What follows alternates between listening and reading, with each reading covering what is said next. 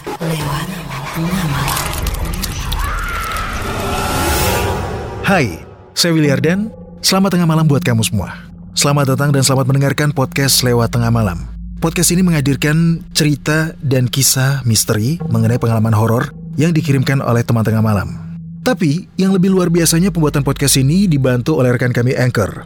Anchor bisa bantuin kamu ngebuat podcast mulai dari rekaman, edit suara, tambahin lagu, backsound, semuanya bisa kamu lakukan sendiri dalam satu aplikasi. Serunya lagi, aplikasi Anchor ini gratis buat kamu. Bisa di-download langsung dari App Store dan Play Store, atau bisa juga diakses dari website www.anchor.fm.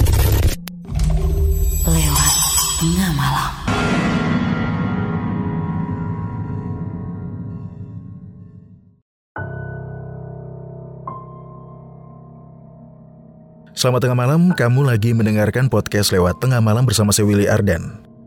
Berhati-hatilah saat memasuki toilet atau kamar mandi. Ada yang bilang, saat melangkah dahulukan kaki kiri saat masuk ke dalam kamar mandi. Tapi ketahuilah, bahwa toilet adalah tempat berkumpulnya para jin atau makhluk astral. Keberadaan hantu adalah hal yang paling tidak bisa diduga kapan dan di mana pun. Mereka bisa muncul. Banyak cerita horor yang diceritakan berawal dari kankeran kamar mandi. Kisah kali ini dialami oleh Risman. Dia mengalami gangguan dari mereka yang tidak kasat mata.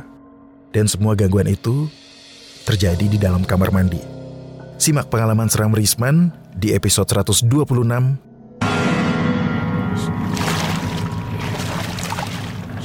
Hantu Kamar Mandi.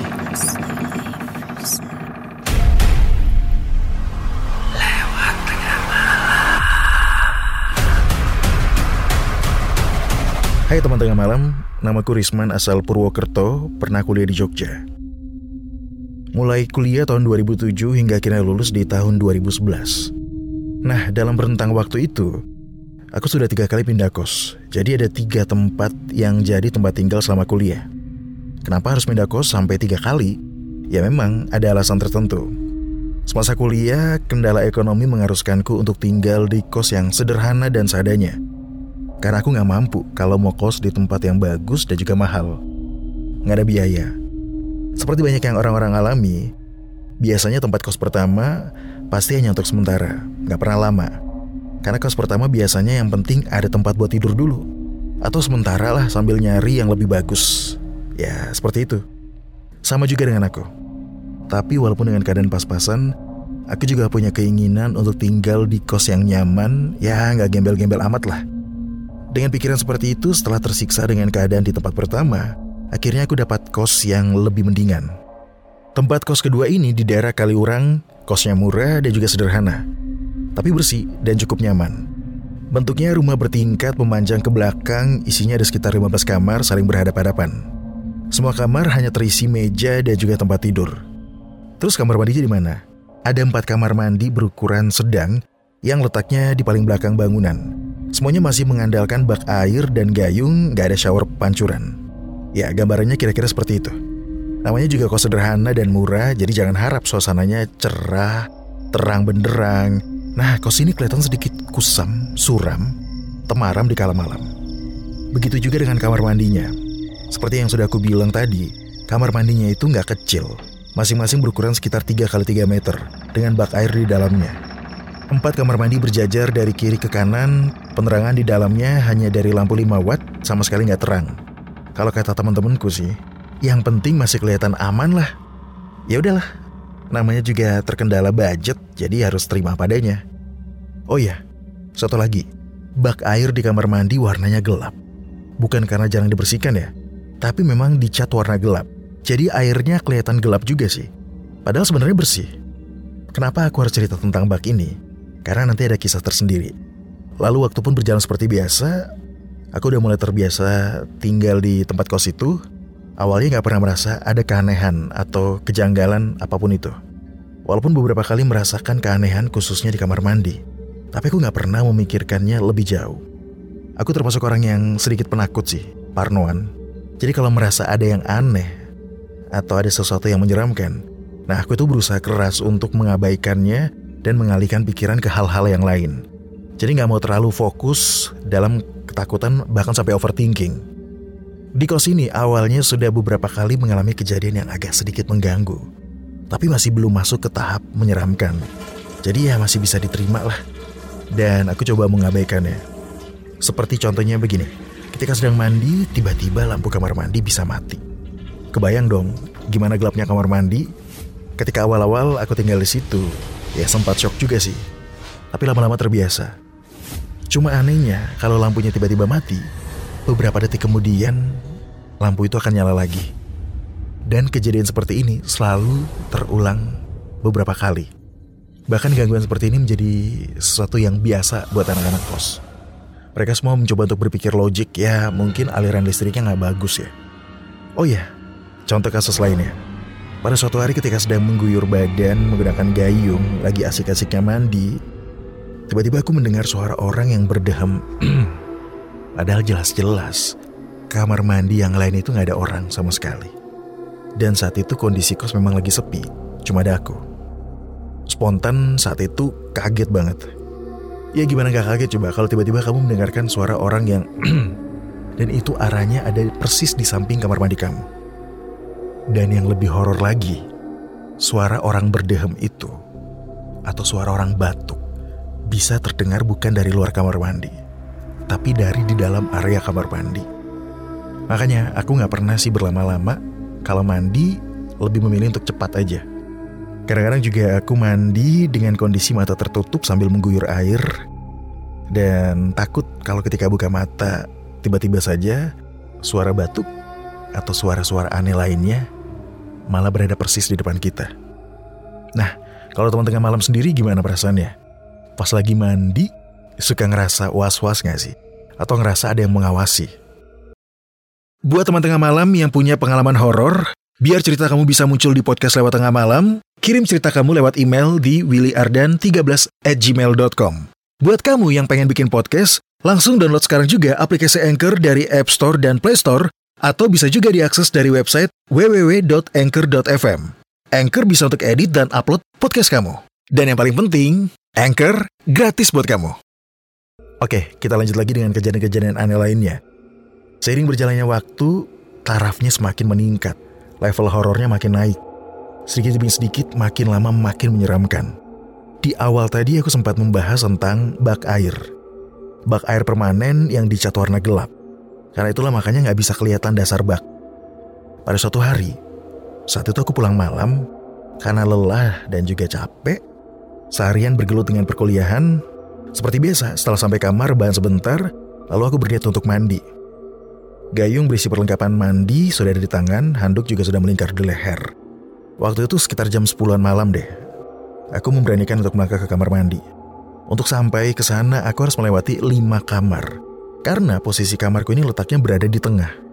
Dan sepertinya penghuni kos yang lain sudah asik tidur, atau malah belum pulang. Karena nggak ada kehidupan sama sekali, nggak ada suara-suara sama sekali, sepi banget. Ketika sudah sampai di deretan kamar mandi, aku memilih kamar mandi yang kedua yang ada di sebelah kiri lalu masuk ke dalamnya. Nggak ada yang aneh sih awalnya. Seperti biasa aja, aku mandi dengan asiknya, sesekali bernyanyi-nyanyi kecil, sampai akhirnya ketika hendak melakukan siraman untuk membasuh busa sabun di badan, sesuatu yang aneh terjadi. Oh ya, aku belum kasih tahu ya, kalau bak air ini memiliki kedalaman sekitar 1 meter. Waktu itu airnya dalam keadaan full atau penuh. Ketika sedang mengambil air, tiba-tiba aku merasa gayungku menyentuh sesuatu yang ada di dalam bak. Gayung yang aku pegang membentur sesuatu. Aku merasa seperti ada sesuatu di dalam air. Aku yakin banget waktu itu. Cuma yang bikin aku penasaran, apa yang menyentuh gayungku saat itu? Karena rasa penasaran itulah, akhirnya aku coba untuk memberanikan diri mendekat dan mengarahkan wajahku ke air bak yang lagi full. Dengan maksud untuk melihat ke dalam bak. Nah, karena bak yang dicat warna gelap, tentu saja membuatku harus sedikit bekerja keras untuk menajamkan penglihatan ditambah lampu yang hanya 5 watt. Ketika permukaan air sudah tenang, tidak bergelombang, ditambah dengan mata yang sudah terbiasa dan lebih fokus, akhirnya aku melihat sesuatu. Di dalam bak, aku melihat ada wajah yang sekilas menatap, lebih tepatnya melotot ke arahku. Sosok wajah laki-laki. Yang lebih anehnya lagi, wajahnya hitam sama sekali. Hanya terlihat rongga matanya. Awalnya masih gak yakin, dan tiba-tiba kembali menatap ke dalam bak dan melihat sosok itu lagi. Jujur waktu itu aku merasa tiba-tiba membeku gak bisa gerak sama sekali. Dan ternyata memang benar, itu adalah sosok astral. Sosok berupa wajah laki-laki yang ada di dalam bak air. Sambil membaca doa, kemudian aku langsung lari keluar. Sesaat aku masih sempat melihat wajah itu tersenyum. Wah, asli.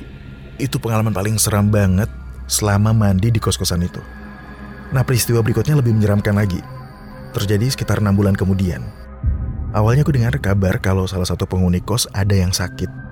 Sudah hampir satu bulan lamanya. Nah teman yang sakit ini akhirnya memilih untuk pulang ke rumah orang tuanya di kampung sampai nanti benar-benar sembuh. Ya jujur sih aku gak terlalu akrab dengan dia. Tapi aku juga mendengar beberapa cerita dari teman-teman kos. Para penghuni lain bercerita tentang penyebab sakitnya dia. Katanya dia sakit karena shock atau trauma. Terus shocknya kenapa? Katanya sebelum dia sakit, dia sempat melihat penampakan pocong persis di dalam kamar mandi. Pocong ini berdiri membelakangi dia ketika dia sedang buang air. Nah, aku yang mendengar cerita itu dari teman satu kos, berharap semoga kejadian itu nggak aku alami. Tapi sayang harapan tinggal harapan. Pada suatu hari beberapa minggu kemudian, saat itu aku pulang larut malam lagi, sekitar jam 11 sampai di tempat kos. Seperti biasa, setelah rebahan sebentar, aku langsung ke kamar mandi. Karena sudah larut, waktu itu kos juga suasananya sudah sepi nggak ada kedengaran aktivitas penghuni kos. Jujur awalnya males sih. Males ke kamar mandi apalagi mau mandi. Mikirnya udahlah sekalian besok aja. Tapi kok badan terasa lengket banget dan ngerasa gerah banget malam itu. Akhirnya aku putuskan untuk mandi. Ketika sudah di depan kamar mandi, aku memilih kamar mandi yang berada tepat di ujung. Karena yang lainnya pintunya tertutup. Seperti ada yang...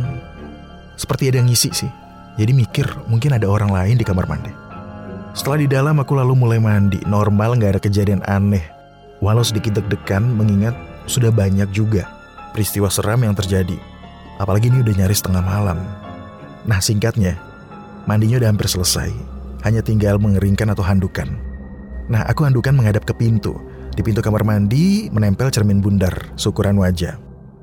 Aku membasuh seluruh bagian tubuh, mengeringkan rambut, termasuk juga wajah. Ketika sedang mengeringkan kepala, dan tiba-tiba aku melihat ke arah cermin. Aku melihat di situ ada sesuatu persis di belakang aku.